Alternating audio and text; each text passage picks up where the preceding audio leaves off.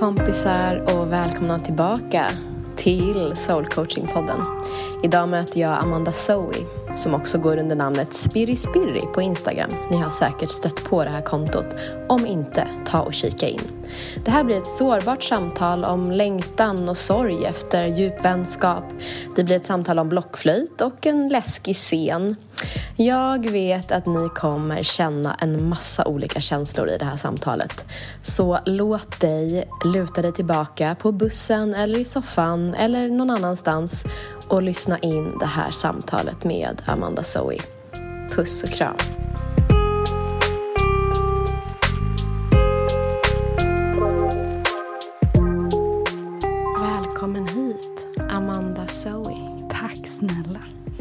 Känns det att vara här och varför är du här? Oj, det känns jättebra. Och speciellt nu efter vi har gjort den här grundningen så känns det så här, wow. Det känns så skönt. Jag behöver verkligen det. Jag har tappat lite den morgonrutinen. Eh, och eh, vill gärna hitta tillbaka till att liksom connecta inåt, precis som vi gjorde här nu. Det är mm. så viktigt tror jag att börja dagen på det sättet. Mm, eller hur? Mm.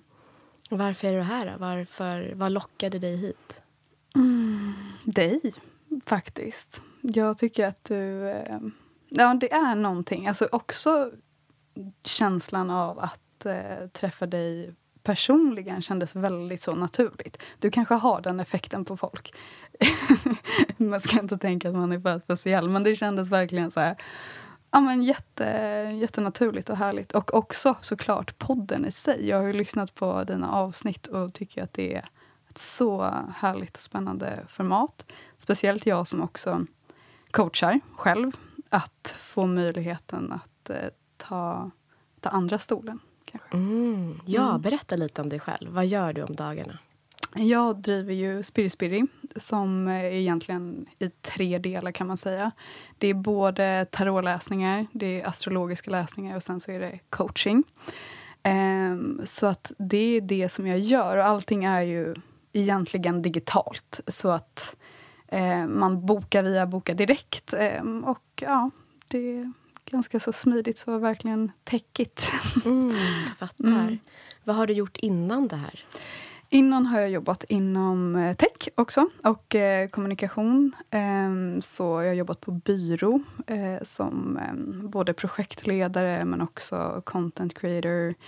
Ehm, och innan det har jag också jobbat inom man kan säga, men jag har jobbat med människor som har eh, autism, eh, schizofreni, olika ehm, diagnoser som boendestadier. Mm. Mm. Mm. Så det är en liten blandning. Jag har gjort väldigt många olika saker. Mm, jag fattar. Vad älskar du att göra? Jag älskar att... Det första, alltså såklart så mycket. Men det första som kommer till mig är skrivandet. Det har alltid varit en stor del av mig. Um, och någonting som jag också lite har tyvärr tappat nu.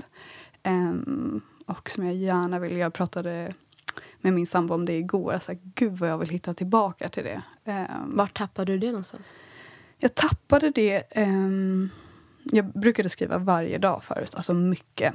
Men um, jag tappade det när jag uh, flyttade tillbaka från Amsterdam. För där bodde jag själv och där hade jag jättemycket typ tid. I alla fall i min egen värld. Man tar ju sig tiden till det som är viktigt. Men jag hade tid till att kanske hitta den här men lugnet där den inspirationen får komma.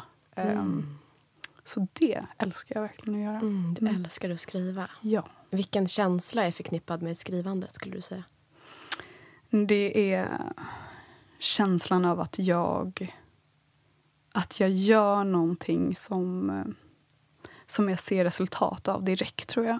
Eh, att typ mina tankar, typ den inspirationen, den fantasin att det blir någonting konkret. Och Det tycker jag väldigt mycket om. För att Har man mycket fantasi, som jag har, mycket så tankar och kreativa idéer så är det ganska skönt att få ner det på pappret och kunna se så här, ja det här har jag gjort mm. faktiskt. Mm. så det, det är en stor del.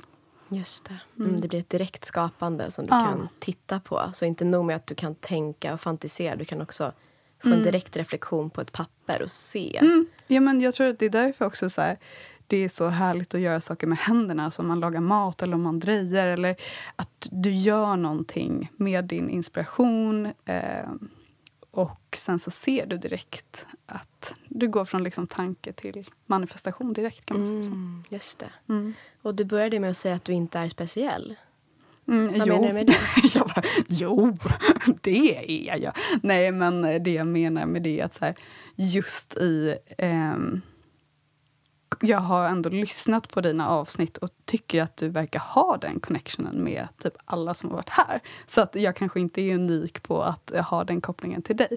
Mm, Men jag, tror förstår. såklart att alla är speciella. Mm. Alla är speciella och alla är så fruktansvärt lika på samma gång. Gud, eller ja. hur? Absolut. Ah, man kan ibland sitta i ett rum och känna sig så ensam, så speciell, så unik med sina känslor och upplevelser. Och så fort vi öppnar munnen och delar en berättelse så Mm. märker vi att i den stunden så förenas vi. Mm. Och samtidigt så är också våra berättelser så olika. Mm. Ja, Mm. absolut. Om vi skulle döpa ditt livskapitel som du håller på att skriva just nu, som du är i, som du både kanske brottas med men som du också skriver. Mm. Vad skulle vi kalla det kapitlet? Vart, vart står du nu? Vad är det för tema i ditt liv? Går det att sätta något sånt? Ja, det gör det absolut. Eh, det handlar nog om att bli sedd. Vilket jag har haft svårt för i liksom, hela livet. Det finns en, ett videoklipp på mig när jag är liten och det är en sån här kabaré som man brukade ha. Och då står jag och spelar någon jävla blockflöjt och sen så är det sån här stora draperier och så ser man att jag så här, under den här konserten rör mig längre och längre bort från scenen och sen så är jag nästan utanför. Liksom. Alltså det, man ser bara typ min halva arm för att just så här, jag är så obekväm av att stå på den här scenen. Och det har lite varit ett mönster. Eh, även om jag nog inte uppfattas som så utåt sett. Då tror jag att många ser det som att ah, men hon är så social och pratar. Men det har ändå varit någon känsla av att så här, bli sedd, ta för Mm. mig. Hur ja. gammal var du vid det här tillfället med blockflöjten och scenen? ja, gud vad kan jag ha varit? Kanske så åtta eller någonting. Mm. Ser du henne framför dig? Ja, verkligen. Mm. Mm. Vad har hon på sig? Mm, alltså jag hade ju också så här, vilket var ehm, lite roligt, men jag hade alltid samma kläder. Eh, Trygghet? eh, ja, väldigt mycket trygghet. Det har jag nog inte reflekterat över innan. Men jag hade liksom alltid en blå tröja som det stod, var något tryck på. Och så hade jag så här, eh, blåa jeans, även blåa skor som det hade blivit någon så här målarfärgsfläckar på. så det var så här, jag vägrade byta de kläderna. Ehm, och eh, det var ju lite så småäckligt tyckte nog min mamma i alla fall. Men det var väl kanske någon sån trygghetsgrej faktiskt. Mm. Mm, eller hur? Vakna upp varje dag och veta att det är det här jag ska på mig. Ja, men exakt. Någon så här, forma någon rutin. Kanske också då man har alltid haft mycket tankar och idéer. Eh, att det är skönt att ha så här, det här är, det här vet jag, det här är fast. Mm. Det här är fast. Okej. Ja. Och den här lilla tjejen då, åttaåringen med Mm. vad sa vi, blå tröja, blåa jeans och så Mm. skor med något målar... Ja, blått också. Så här, halschakrat verkligen. Hon pratar inte med henne. Just det. Och du spelade flöjt. Nej, men det var nog inte av egen vilja. Utan man, fick, man blev väldigt så här, man fick ju ett instrument. Att du ska spela triangel, typ. Mm. Ja, tack. Mm. Ja, så hade man det. Minns du någon i, i publiken? Något ansikte eller något, något minne, något fragment eller liksom någonting när du tittar ut på pub- publiken och tänker det nu? Nej, för jag tror verkligen att det där var en sån, ett sånt så typiskt tillfälle där jag lite stängde av. Alltså att jag ville bara sjunka genom jorden. Att det var väldigt, väldigt jobbigt att så bli, bli sedd, att all, all attention var... För då tänker man ju som barn att all, alla tittar på mig. Det gör de ju inte. Men det känns ju så när man står där uppe. Mm. Minns du hur det kändes i kroppen? Ja, men alltså vidrigt. Man vill ju bara fly. Eh, Man eller jag? Man, jag vill ju bara fly. Mm. Ehm, och det, det är ju ehm, en känsla som jag tror att många kanske kan känna igen sig i. Specifikt i, i den unga åldern. Mm. Att, att inte vilja rikta uppmärksamheten för mycket mot jaget utan att kanske vilja snarare bara smälta in i den här helheten. Just det, smälta in i helheten. Och hur Mm. kan du se att det tar form idag? Hur ser det ut i ditt liv idag? Det här med att smälta in och lite rädsla för att bli sedd. Kan du se att det tar form idag? Ja, alltså det visade ju sig väldigt mycket i den här initieringen av att jag började jobba med spiritualitet, alltså professionellt. För att det var ju en otrolig rädsla någonstans i att kanske... Eller någonstans, jag har uttryckt det och jag har alltid stått upp för det som jag tror på och att eh, jag har alltid stått för att jag är spirituell. Men det har ändå varit en känsla av att så här, jag kan inte riktigt... Jag får inte riktigt den responsen av människor i min närhet på exempelvis jobbet inom kommunikation. Att det har inte varit det intresset. Så då har det ju blivit kanske automatiskt att du håller tillbaka för att du märker att den här konversationen kanske inte riktigt... Det är mest jag som bryr mig om den. så. Mm, jag fattar. Mm. Om du hade noll rädsla för att stå kvar på den där scenen och låta dig själv bli sedd, hade du gjort någonting annorlunda idag? Kan du se att, att du hade agerat på något annat sätt? Jag tror inte jag hade agerat på ett annat sätt. Jag tror jag hade agerat på det sättet jag gör nu, snabbare. Alltså att nu så börjar jag ju vara mer öppen med eh, ja, men det som jag gör, eh, såklart. men eh, jag tror att det hade kommit till mig tidigare. Eh, att det hade varit lättare tidigare kanske. Just det, Mm. okej. Mm. Så det här med att bli sedd, vad innebär det för dig? Den här, det finns ju ändå en längtan och du skriver det kapitlet just nu. Vad, vad innebär det för dig att bli sedd? Vad betyder det? Men det handlar nog väldigt mycket om att bli bekväm. Ehm, jag är väldigt bekväm i den positionen som du är i nu. Alltså att vara kanske den som frågar. Okej, vad hände där? Vad tänkte du då? Jaha, varför tror du det? Och det är, den, det är den rollen jag har tagit väldigt mycket i mina vänskapsrelationer också. Sen att sätta mig på andra sidan och bli eh, själv vara den som kanske blir analyserad eller får hjälp eller vad man ska säga. Den känns plötsligt, då blir jag ju verkligen sedd. Mm. Okej. Så hur ser det ut i dina relationer idag? Det är ju nog... ehm, ehm, alltså i min eh, relation till, med liksom min familj och med min kille, där har jag inga problem att visa mig sårbar. Men däremot i kanske mina vänskapsrelationer så blir det nog naturligt oftast att jag eh, flyttar fokuset från mig till den andra personen. Så du tar strålkastaren och liksom Jag vinklar den, vinklar den. Ah, just exakt, det. Släpper blockflöjten och så tar strålkastaren. Och så. Exakt. Ja, ja, så Du är det. ger blockflöjten till den andra. Jag alltså. bara blås. Skin. Skin som den stjärna du är. Ja, ja. Mm. Okej, men va, va, om du får eh, reflektera lite själv, varför tror du att du gör det här? Det finns ju en vinst med det här beteendet. Varför gör du så här? Men det är ju obekvämt att bli, bli så här. Jag tror, eller, där beror det ju på helt och hållet programmeringen vi har fått med oss från det vi är små. Vissa tycker kanske att det är väldigt skönt och att uppmärksamheten är riktad. Att få det här stödet, få känna sig hållen, få känna sig sedd. ehm, och eh, andra tycker att det blir jobbigt för då är det också som att alla sårbarheter det är lite exposed, som man kan säga. Mm. Det, där är jag absolut en av dem nog. Just det. Så hur gör du då? För att jag tänker att du har massa så här strategier för att undvika att få det här strålkastarljuset på dig. Hur, hur gör du? Hur agerar du? Alltså, är det att du pratar först? Är det att du ställer frågor snabbt? Alltså, hur, vad är din strategi för att rikta ljuset mot den andra personen? Ja, allt det du sa nu.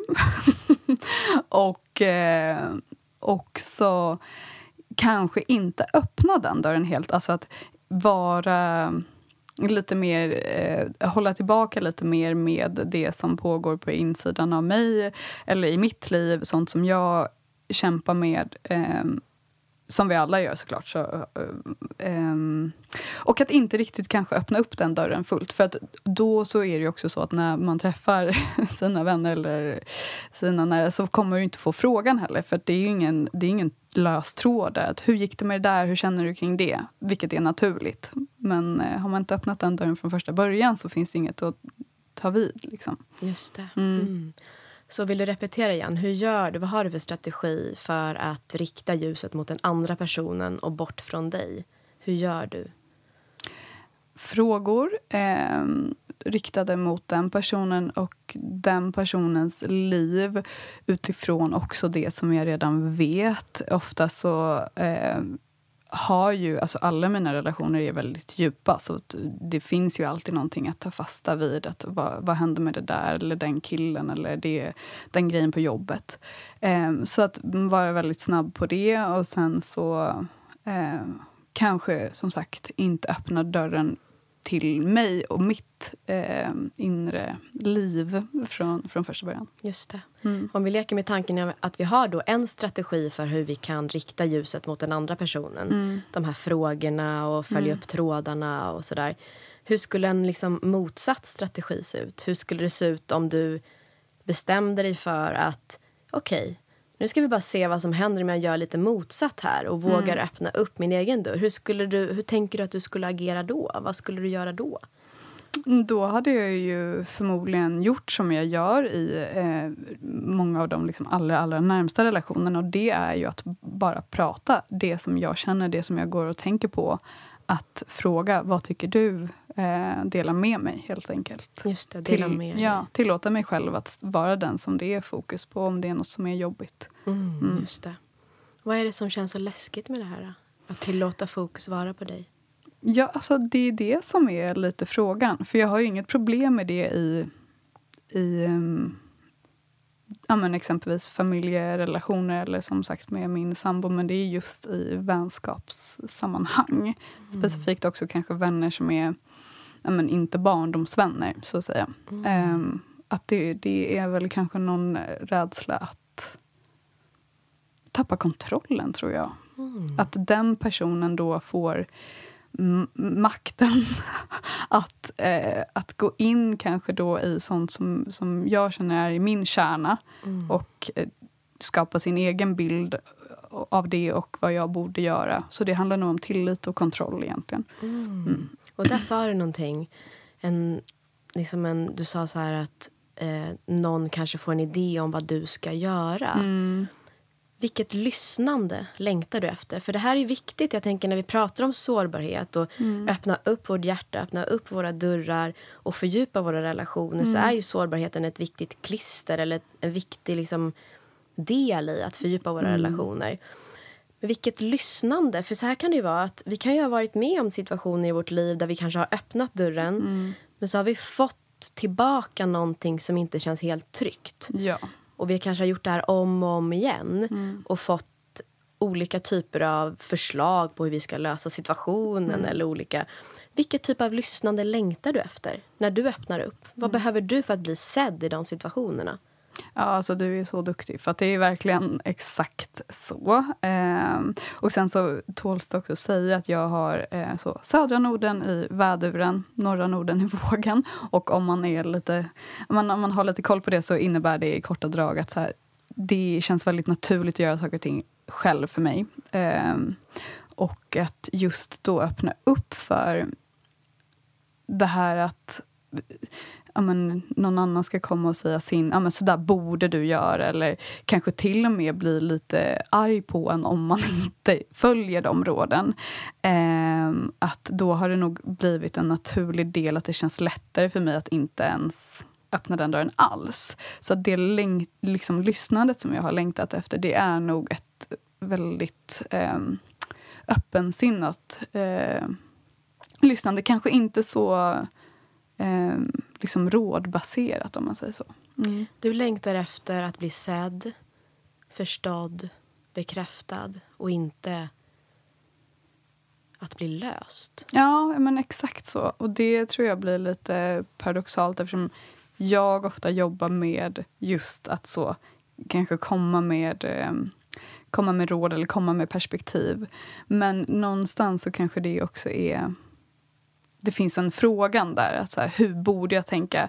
Eh, hur borde jag göra? Eh, det är en skillnad där. Men, men samtidigt så... Det finns ju ändå, det är ju alltid en fin tanke. Du vill ju alltid hjälpa. Så det är ju, det är ju ingenting negativt egentligen när man får de där råden. Mm. Mm. Nej, men jag, ehm, jag märker ju det här i jättemånga som jag möter i mina klientsamtal. Att man ibland sluter sig mm. för att det finns någonting i vår, liksom, vår natur, vår biologi eller i vår kultur kanske också att vi gärna, som du säger, vi vill. Mm. Vi vill hjälpa, vi vill lösa. Och hela intentionen många gånger med det är ju inte elak. Nej. Men jag tror ibland vi har ett litet problem när vi inte tillåter varandra få stanna en stund med obekväma känslor. Mm. För saken är den att om du kommer med ett problem eller en utmaning då är du någonstans i en obekväm känsla eller en situation, någonting som känns lite mm. jobbigt. Och när vi inte har lärt oss att stanna med det där obehaget mm. då vill vi ju hjälpa dig därifrån. Mm. Oj, oj, oj, vi måste ta oss härifrån. Mm. Så att det här med att skapa tillit för att vi kan umgås och stanna med våra jobbiga känslor det är ju verkligen någonting vi behöver träna upp. Mm. Um, och det här tränar ju du mycket på. Du har ju det som profession och du vet att det inte är farligt att stanna med skav och så vidare. Mm. Ibland märker jag att vi till och med kan behöva säga till vår lyssnare, mm. vår mottagare, vad vi behöver. Mm. Inför mm. om vi ska säga någonting. För att vi är så inmatade med att lösa. Och även också i och med att vi har levt i ett väldigt maskulint dominerat samhälle, mm. vilket har varit fantastiskt. Vi har, vi har löst mycket, vi har mm. skapat mycket. Både tekniskt och annat. Liksom, vi har löst mycket problem. Mm. Vi har mm. många kvar, men vi har löst mycket. Mm. Nu är vi liksom inne i en ny era som vi öppnar upp. Och det är ju varandet, det mer mm. feminina lyssnandet. Där vi bara behöver ett empatiskt lyssnande öra. Det är den största gåvan vi kan ge varandra. Men vi behöver liksom träna på det. Ibland kan jag märka själv att jag behöver typ säga eh, så här... Uh, nej men så här känns det för mig. Och nu när jag delar det, då vill jag liksom bara... Du behöver bara lyssna. Mm. Jag vill bara bli hörd. Mm. Eh, och då märker man nästan en avslappning. Bara, mm. oh, oh, vad skönt. Jag behöver inte läsa. Ja, både det men också kan jag då, för jag har också haft lite den taktiken att så när jag bara, okej okay, men du behöver liksom inte säga någonting, det här bara, ja men lyssna. Men att man också nästan kan, eller jag har upplevt lite att så här, jag känner att den här personen vill säga någonting. Mm, det vill den ju. Eh, ja, och då blir det på ett sätt, i min värld i alla fall, så har det då varit lättare att inte så här, inte gå in i det överhuvudtaget för det har känts typ mer komplicerat att då så här, kan du reagera så här och så märker jag att det finns en annan reaktion och jag ändå då läser av den så det blir ju icke-verbalt men jag får egentligen samma respons ändå som, mm. som jag kanske inte ville ha. Det. Och det blir ju väldigt också kontrollerande. att här, Du måste reagera så här för att det ska kännas bra för mig. Um, visst, någonstans så kan man ju säga att så här, just nu behöver jag det här men det blir också svårt att ställa de kraven på... Någon kanske tänker att men det här är det som är viktigt för mig att ge, ge till dig som vän. någonstans. Mm. Så att då har det varit lättare att stänga av lite, men det är inte heller ultimat. Såklart. Nej, och jag tänker att någonting vi ringar in här är ju dina behov. Mm. Hur viktiga mm. de är. Mm. För att jag menar, visst om du skulle vara i en våldsam relation eller du berättar mm. någonting som är där du är i livsfara, mm. då bär ju personen en skyldighet, mm. tycker jag i alla fall. Att antingen liksom, en, det, här, det här är inte okej, nu måste vi göra så här. Men det är inte riktigt de situationerna vi pratar om Nej. nu. Så jag tänker att vi är inne på någonting, vi ringar in någonting. Alltså din rätt att stå i dina behov. Mm, mm. Din rätt att stå i dina behov. Om du behöver ett lyssnande öra, mm. det är det du behöver. Mm. Då är det det du behöver. Vad mm. tänker du om det? Ja, och där blir det genast obekvämt. För där känns det plötsligt som att jag inte har rätt till det riktigt. Mm, jag hör det. Uh, jag hör det. Eh, eller att lite så... Varför ska jag få komma och ställa krav på hur någon ska hantera eh, en konversation med mig? Mm. Eh, att de måste få göra det på det sättet som känns naturligt för dem också. För annars blir det som att jag kommer in och domderar och så här, Nej, Sandra, du måste lyssna på mig på det här sättet. Mm. Typ. Och det känns lite obekvämt. Mm, jag fattar. Mm. Och här har vi också att det finns en koppling mellan behov och krav för dig. Mm. Är behov samma sak som krav för dig? Mm. Nej, men jag tror att det lätt kan... Eh, kan för, för den som får då... Om jag säger att ja, men mitt behov är att bli lyssnad på utan att få råd då kan det nog lätt omformuleras i någon som får det till sig som ett krav. Att jag då inte, den personen då inte får uttrycka kanske en åsikt eller ett mm. perspektiv. Mm. Så jag tror att det är, det är en ganska fin linje däremellan. Mm. Och jag hör dig och det här är ju verkligen någonting som så många av oss jobbar med och mm. fightas mm. med. Hur kan jag uttrycka mina behov? Och jag märker att i början när vi börjar träna på att uttrycka våra behov så känner vi oss domderande mm. och som att vi är speciella. um.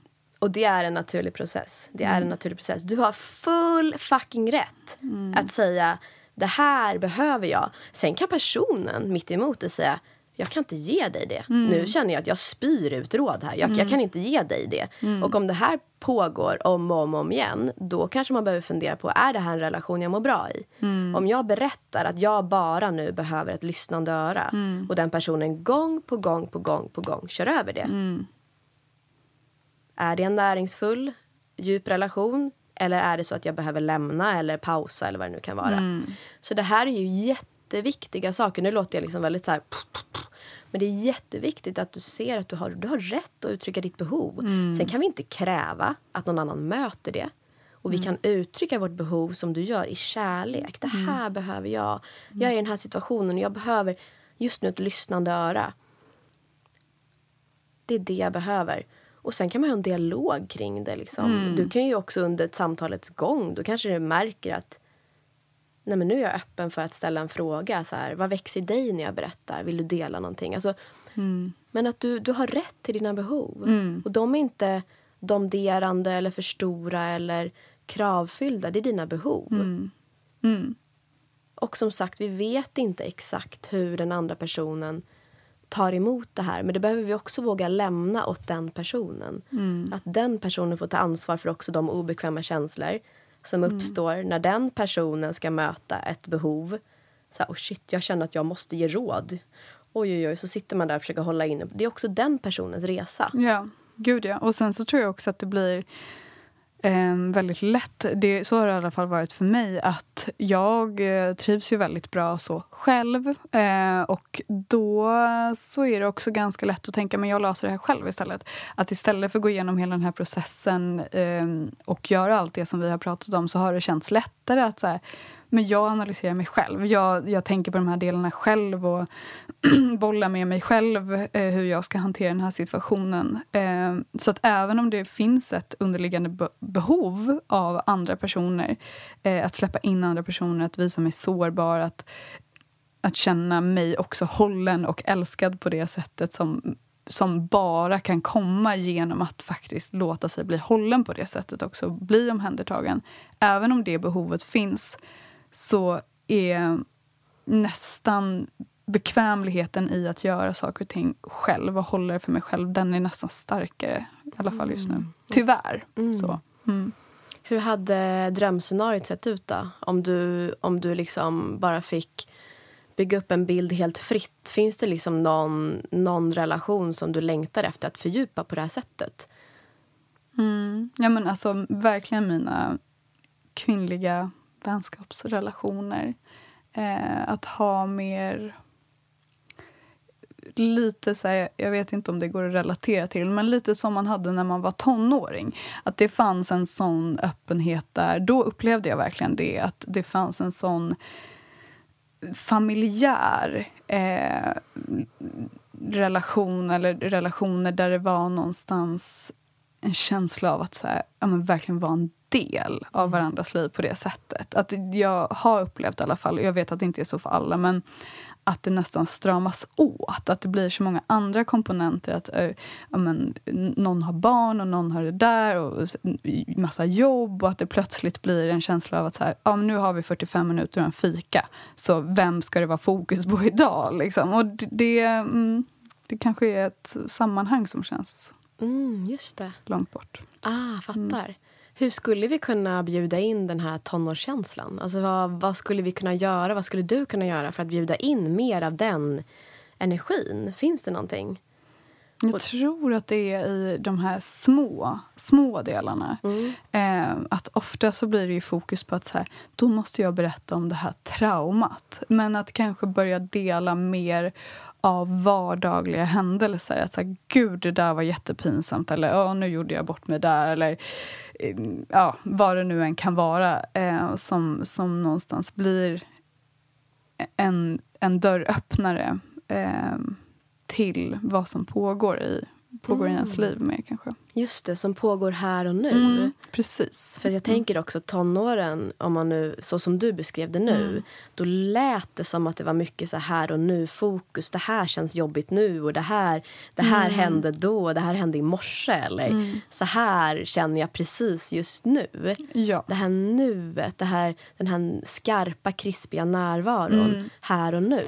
Ja men 100 procent. Man kom ju in till skolan vet, inte, klockan åtta på morgonen och det blev en sån naturlig del i att då berättar du om din morgon och du tar vid där du sa hej då dagen innan. Och det är väl också för att du har en sån närvaro i att du faktiskt fysiskt träffas så pass mm. ofta. Och det är kanske därför också det känns så naturligt med typ min sambo, för jag träffar ju honom ah. varje dag. Alltså, det blir ju inte någon distans i, i vad som händer eller känslor och sånt. Nej. Finns det någon specifik relation som, du behöver inte liksom nämna någon namn eller sådär, men bara kommer upp någon specifik relation som du känner att åh, jag har en längtan efter att föra in den här tonårsenergin i? Ja, alltså nu, är, nu delar jag verkligen med mig här. Men jag har ju aldrig gått igenom något så här heartbreak eh, i mitt liv. Förutom min absolut så bästa vän som jag hade i, eh, från kanske jag var ja, men jag vet inte, ja, men ändå från tidig ålder, kanske sex års till liksom 20-årsåldern. Och typ, inte så att det är en specifik person idag som jag vill fördjupa mig men typ hitta lite kanske den, så här, systerskapet igen. Mm. Där du verkligen är så nära. För att om det var väl kanske mitt heartbreak när det så tog slut i vår vänskap. Mm. Så att mm, en relation som inte är precis likadan men som ändå få mig att känna så trygg. Mm. Hur kändes det för dig i det här heartbreaket? Oj, jobbigt. Alltså verkligen. Och det är nog så den enda... Jag har varit ganska så... Eller jag är ganska så snabb eh, på att ja, men, tar det slut i en vänskapsrelation eller i en kärleksrelation så har jag nog faktiskt varit ganska snabb på att ja, men då var det, vi har liksom haft det utbytet vi skulle ha där då. Vi har lärt oss av varandra, no hard feelings, då mm. går vi vidare. Men det är liksom den enda personen som jag har varit så här, gud jag kan inte släppa henne riktigt. Mm. Och eh, det är ju såklart kopplat till en sorg. Mm. Eh, har du fått ge den sorgen plats? Ja, alltså både och eh, har det ju varit så. Jag kanske, det har nog blivit som lite av ett sökande på att så här, när kommer den där personen komma in i mitt liv som kan fylla, fylla de skorna någonstans. Mm. Så det kanske snarare har varit en, så här, en längtan och en sorg lite samtidigt. Eh, på ett sätt. Har du skrivit om sorgen? Mm, nej, det har jag nog inte gjort. Men det kan nog vara bra att göra det.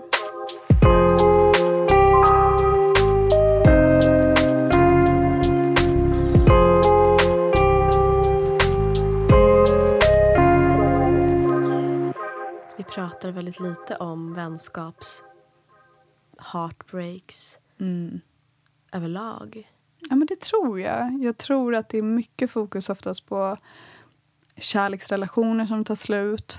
Och det är såklart förståeligt. Men vänskapsrelationer, speciellt i de här väldigt formbara åren eh, under tonåren det, du blir så sammansvetsad där om man har upplevt den typen av vänskap. Att så här, du gör allt tillsammans, du sover över varje dag tillsammans, du delar liksom mm. allt. Och det, är ju, det blir en sån kärndel av dig som det är klart det blir ett tomrum. Liksom. Mm. Mm. Är du rädd att det ska hända igen? Nej, det är jag nog inte. Jag är nog mer... Jag är inte rädd för det heller, men jag är nog mer ledsen ifall jag inte skulle få uppleva den typen mm. av vänskap igen. Sen om det tar slut, då antar jag att det finns en anledning till det. Men eh, mer tråkigt att jag inte får känna den liksom, mm. känslan igen. Ja, mm. fattar. Och jag ställer frågan igen. Finns det en befintlig relation idag där du ser potentialen av det här? Eller är det här ett liksom nytt sökande? Så här, jag vill hitta en ny vän. Förstår du min fråga? jag, jag lägger ut i kamratposten här. Varför inte? Eh, ja, alltså... Jag har väldigt fina relationer idag med mina vänner. Eh, men ja, det kanske nog i, i mitt huvud har det nog varit en känsla av att det kanske skulle komma in så en ny person. Mm. Eh, faktiskt, om jag ska ah. vara helt ärlig med ah. ja. Du längtar efter en ny person? Ja, alltså verkligen. Mm. Och det, den, den känslan har nog funnits där ganska länge. Har du satt ord på den tidigare? Nej, men inte på det här sättet. Det har nog mer funnits som en så här, en, en känsla. Absolut, alltså att jag inte avundats, men jag har varit med och gjort tarotläggningar och så på möhippor och sett den här, så här tajta, tajta sammansvetsningen mellan just kvinnor och bara wow vad det där är så jäkla fint. Och jag har det ju också i, i liksom vissa relationer. Men jag, jag kanske, jag är ju skorpion. Jag sätter, det är väldigt, jag ska så djupt ner alltså det, för att det ska verkligen kännas för mig. Mm. Jag fattar. Mm. Den här vännen som eh, du bjuder in nu, mm. vad, hur ser relationen ut? Den är nog just att jag vågar vara sårbar. Eh, men såklart inte bara fokus på mig. Det är bara jag. Nej men så, såklart att så här, det är ett utbyte. Men eh, en, en mycket, mycket större öppenhet. En mycket större liksom, eh, känsla av att vara del av varandras liv. Mm, en mm. känsla av att vara del av varandras liv. Mm, mm. Och vem blir du då? Blir du, va, va, du växer ju i den här relationen, har jag. Du, du närs i den här relationen. Du mm. växer, du frodas. Mm. Vem är du då? Vad känner du då i den här relationen?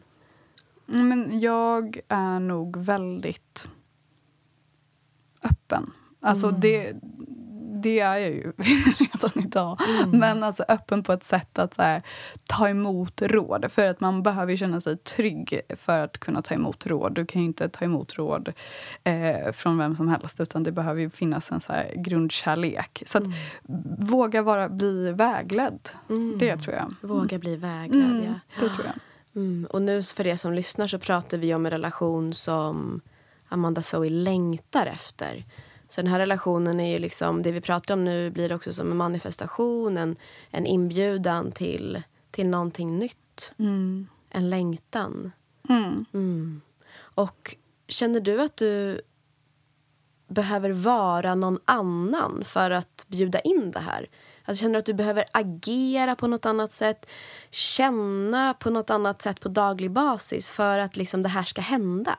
Tror du att du behöver göra någonting mer för att det här ska hända? Ja, jag tror att jag behöver kanske gå från, som vi pratade om tidigare, att gå från den som hela tiden, men berätta om dig, eh, är den som hela tiden ställer frågor till att kanske ta mer eh, ja, men låta, låta konversationen flyta på naturligt kanske mer. Det tror jag.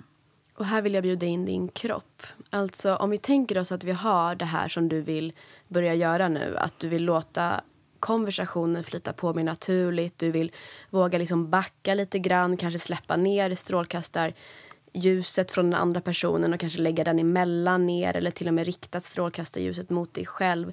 Om du med din kropp mm. kan, liksom, för ibland behöver vi hjälpa tror jag, vårt sinne, vårt hjärta och vår mm. själ in i de här olika eh, tillstånden. Och där tror jag kroppen kan hjälpa oss mycket.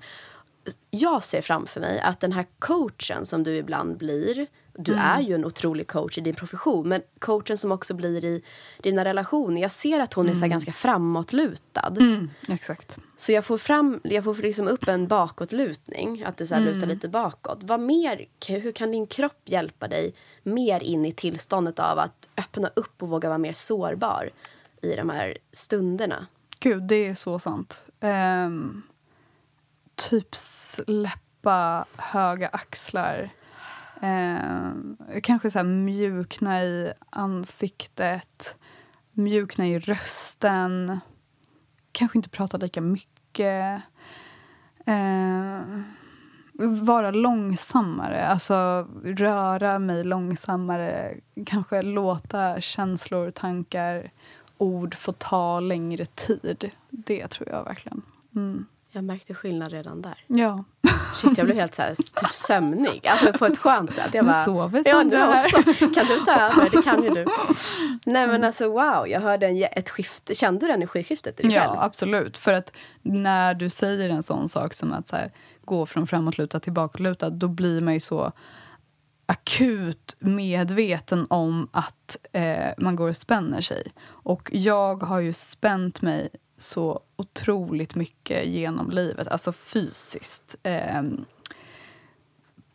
för att det liksom har varit som att det är spänningar mentalt och så har jag spänt liksom min kropp så pass mycket så att det har varit, eh, resulterat i jättemånga fysiska symptom som så här yrsel och synbortfall och migrän och allt vad det är. Så att eh, det, det är nog jätteviktigt att just det här bakåtlutande och slappna av och känna att saker och ting får ta tid också. Mm, wow, saker och ting får ta tid. Mm. Nu har du ringat in några viktiga saker. Här. Bakåtlutning, och det kan vi Mm. faktiskt fysiskt göra med kroppen. Långsamheten kan vi också fysiskt göra genom verbaliseringen. Genom att vi till och med också ibland pratar från roten Mm. istället för att prata från huvudet. Så att liksom boo, nästan här boo. Mm, mm. Långsamheten pratar du om, bakåtlutningen. Axlarna ner sa du också. Mm. Andningen då? Hur kan den hjälpa dig här? Ja, men den behöver ju också vara djupare. Den behöver ju gå ner i liksom solarplexus, behöver ju fördjupas. Och eh, Det kommer ju naturligt också när du inte pratar så snabbt så att inte får någon luft. Eh, mm, Eller hur? mm. Det tror jag är väldigt viktigt. För det är också så att vi, vi andas ju ut liksom när vi pratar. Mm, Så att genom att prata långsammare så får vi också en långsammare utandning. mm, Vilket påverkar vårt liksom parasympatiska system Mm. som triggar mer lugn och ro. Och som också är en förutsättning för sårbarhet, trygghet framför allt. Vi ja. blir mer trygga i att vara i vår egen kropp. Mm. Och jag tror ofta att man dras till människor som kanske har någonting som inte saknas i en själv men som man längtar efter att eh, vara mer kanske. Så att jag drar mig oftast till så här, jordtecken, alltså Mm. oxa. Och eh, att det finns en så här, det är någonting skönt i det där långsamma, det här väldigt så här, Mm. kroppsliga. Att låta saker och ting ta tid just. Mm. Och där tror jag du behöver fake it till you make it. Ja, det tror jag också. 100 Alltså, procent. och så jävla skönt, bara till er som lyssnar också. Hur skönt är det inte att vi har en kropp som kan hjälpa oss i transformation, som kan hjälpa oss i förändring. Mm. Alltså jag vet att, nu bara drar jag en personlig inflik just med det här kroppen.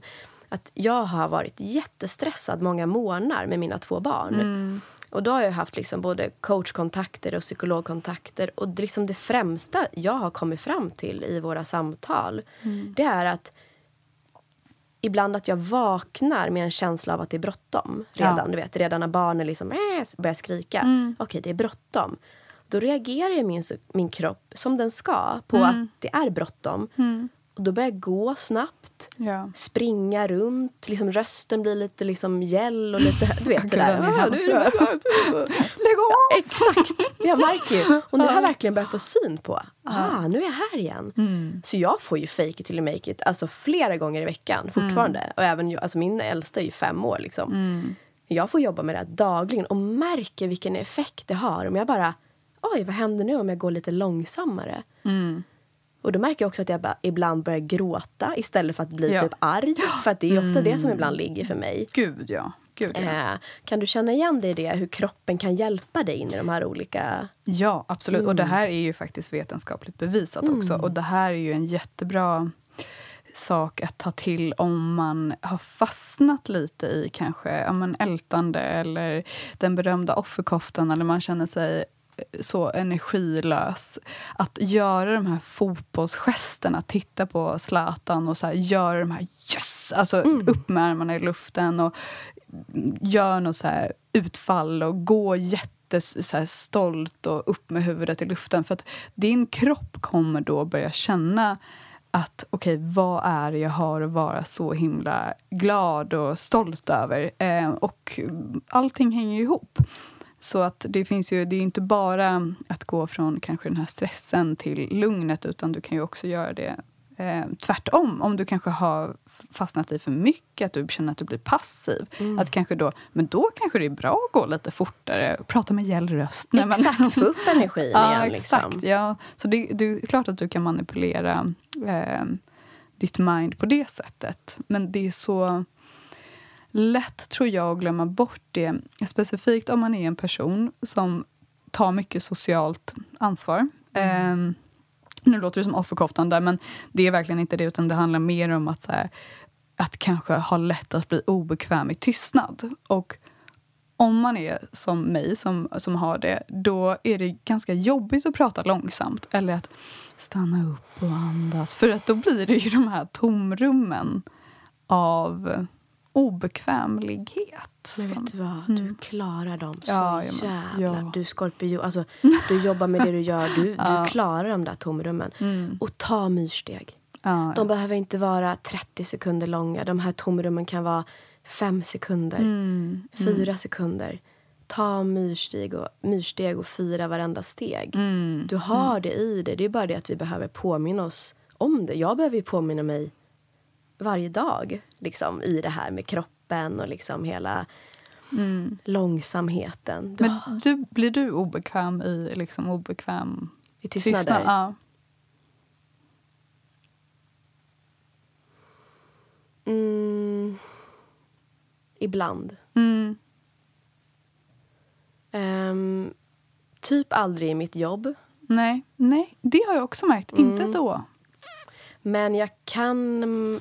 Jag märker att jag ibland... Jag ska säga senaste året så har jag blivit mycket mindre rädd. Mm. Uh, jag tycker det har skett någonting senaste året för mig där jag bara låter tystnad få ta plats och låter tystnad få höras. Mm. Um, jag vet inte om det kommer med åldern eller om det är både ålder och arbete. Eller, mm. Men jag, eh, som yngre var jag extremt rädd för tystnader och gick ofta in och räddade situationer mm. och räddade andra människor från att, som jag trodde då, att få uppleva jobbiga känslor. Och um, var liksom ofta väldigt framåtlutad. Mm. Nu känner jag att det är... Sårbarheten är så starkt kopplad till att våga vara tillbakalutad och våga eh, ge upp. Och då menar jag inte ge upp i form av att liksom, tänka att allt är meningslöst, nu ger jag upp. Utan mer en känsla av ah, okej, okay, jag bara får vara. Jag bara får luta mig tillbaka här. Jag får existera. Jag är värdefull. Jag får bara vara. Jag behöver inte fixa någonting i den här situationen. Jag kan bara... Ah, jag behöver inte vara så alert. Jag behöver inte vara så... Mm, det finns en vilsamhet i det. Och det finns också, såklart också något sårbart för att vi tappar lite kontroll över vår, den bilden som vi vill att andra ska ha av oss och så vidare. Mm. Jag är mycket mindre rädd för att våga luta mig lite tillbaka. Mm, så både, jag skulle säga både övning, för det här har ju varit det du pratar om nu för att bjuda in lyssnarna lite till min personliga resa också så har ju mm. det här som Amanda Zoe pratar om nu är ju en av mina främsta um, teman skulle jag säga i mitt liv. Att våga vara mer tillbakalutad, att våga släppa på, att våga visa mig ut i världen mm. även när jag har ångest eller när jag känner mig tom eller så. Mm. Så att eh, det är ett sånt viktigt kapitel du skriver på just nu.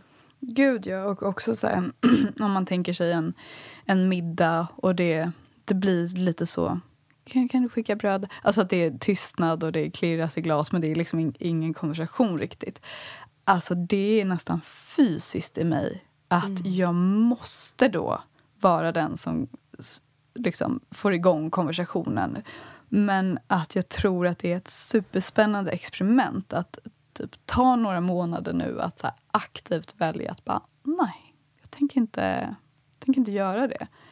Och eh, sen så är det såklart att, så här, det är väl klart att eh, har man någonting att säga så ska man ju göra det och det är väl bara härligt om det flödar en konversation. Men just den här känslan av att hela tiden nästan ha det som, som på sina axlar, att jag måste vara den som då får igång det här. Eller jag måste du vara måste den. ingenting. Nej, nej, men exakt. Det är ju så. Det är ju den insikten vi behöver komma till. Och som du säger, du kommer liksom du kommer prova det här nu och du kommer märka att det blir galet obekvämt ibland för din gamla programmering om att du ska vara den här som löser tystnaden och fixar och donar kommer ju komma och bara säga hallå, nu måste du fixa det här för det här blir obekvämt. Och det kommer komma stunder då det känns helt galet och obekvämt men det klarar du också att sitta med. För det jobbigaste är ju att uppleva den här känslan. Ja. Men den överlever du. Och som sagt, träna, träna i myrsteg. Vi behöver inte göra så att hela systemet chockas utan vi kan göra Ja, men nu tar jag med mig det här lite in på den här middagen. Hur skulle det kunna se ut? Ja, men jag provar lite så här. Så stretchar vi oss hela tiden. Gud, ja. stretchar, stretchar, stretchar. Det är ju en röd tråd och det är ju obekvämlighet, eller att vara obekväm. Eh, både i sårbarheten, att dela med sig, att låta, att be om sina behov, att eh, få ta plats. Men också obekvämlighetskänslan av att, eh, att låta andra då kanske få ta det sociala ansvaret, att få sitta tillbaka och bara då sjunka in, luta sig tillbaka. Och det kom upp så tydligt nu i slutet av det här samtalet att det här hänger nog ihop med det du sa i början med att du har tappat lite av det här med grundningen. Ehm, för grundningen tycker jag i alla fall. Jag hoppar ju över den när det finns en del känslor i mig som mm, håller på att surra runt, som vill bli hörda men som man inte riktigt orkar lyssna på. Ehm, vad tänker du om det? Finns det någon koppling mellan den här längtan efter att grunda dig en stund på morgonen och det här vi pratar om nu? Gud, ja. Och det handlar ju om att ta tid för sig själv. Att, ehm, att låta det också få vara lika viktigt som, som att ge till andra, som att coacha, som att göra tarotläsningar. Att då ta de här tio minuterna. ehm, för att det är så viktigt och det påverkar ju allt. Mm. Så hjärtat, vi börjar liksom närma oss ett slut. Mm. Gud vad snabbt det gick. Ja, alltså. jag vet. Wow. Mm. Jag vill höra vad du tar med dig från samtalet. Jag tar med mig en lugn upprymdhet. En känsla av att det är lättare att vara tillbakalutad. Eh, känsla av att det är lättare kanske att släppa in eh, kärleken på ett nytt sätt. Att den får ta form i liksom, vänskapsrelationer på ett sätt som eh, har känts lite läskigt innan. Så jättestort tack för, för den här timmen, eller vad det har gått. Tack. Mm. Så vi började ju också det här med att prata om ditt livskapitel. Mm. Att bli sedd. Mm. Är det någon underrubrik nu också eller, liksom, eller har kapitlet fått ett annat namn? Ja, alltså det första som kommer till mig är att bli sedd och våga bli älskad. Mm. Åh, Mm. tack. Att bli sedd och våga bli älskad. Mm. Mm. Kanske för, för den här liksom innersta delen, den delen som inte har svar på allting. Den delen som eh, ibland är lite osäker, som, som gör sin resa. Och som, ja. Just det. mm. Och hon bor ju i tillbakalutningen. Hon bor i blockflöjten. Ja, Exakt. Ja. Ja, men verkligen. Hon bor i blockflöjten. En tillbakalutad tjej med en blockflöjt liggande på bröstet. Är det vi bär med ja, oss? exakt. Hon sitter på axlarna. Liksom. Ja. Ja, 100 procent. Mm. Mm. Men du, tack för att du var närvarande här med din Mm. härliga energi i podden. Jag är så glad att jag fick möta dig, just dig idag. Och för mig Mm. är du speciell. För mig är du speciell. Jag är innerligt tacksam för det här samtalet. Och tack till alla er som har lyssnat och tack till alla er som delar och recenserar podden och även till er som har röstat på mig i Guldpodden. Det blir spännande att se hur det blir framöver. Mm. Stor varm kram och varm kram till dig Amanda Zoe. Tack för din närvaro. Tack snälla. Om du gillar Soul Coaching-podden så skulle jag tycka att det var så förbannat kul om du ville rösta på mig i Guldpodden som årets poddnykomling. Jag länkar till den här sidan där du kan nominera mig. Det hade ju varit så fett.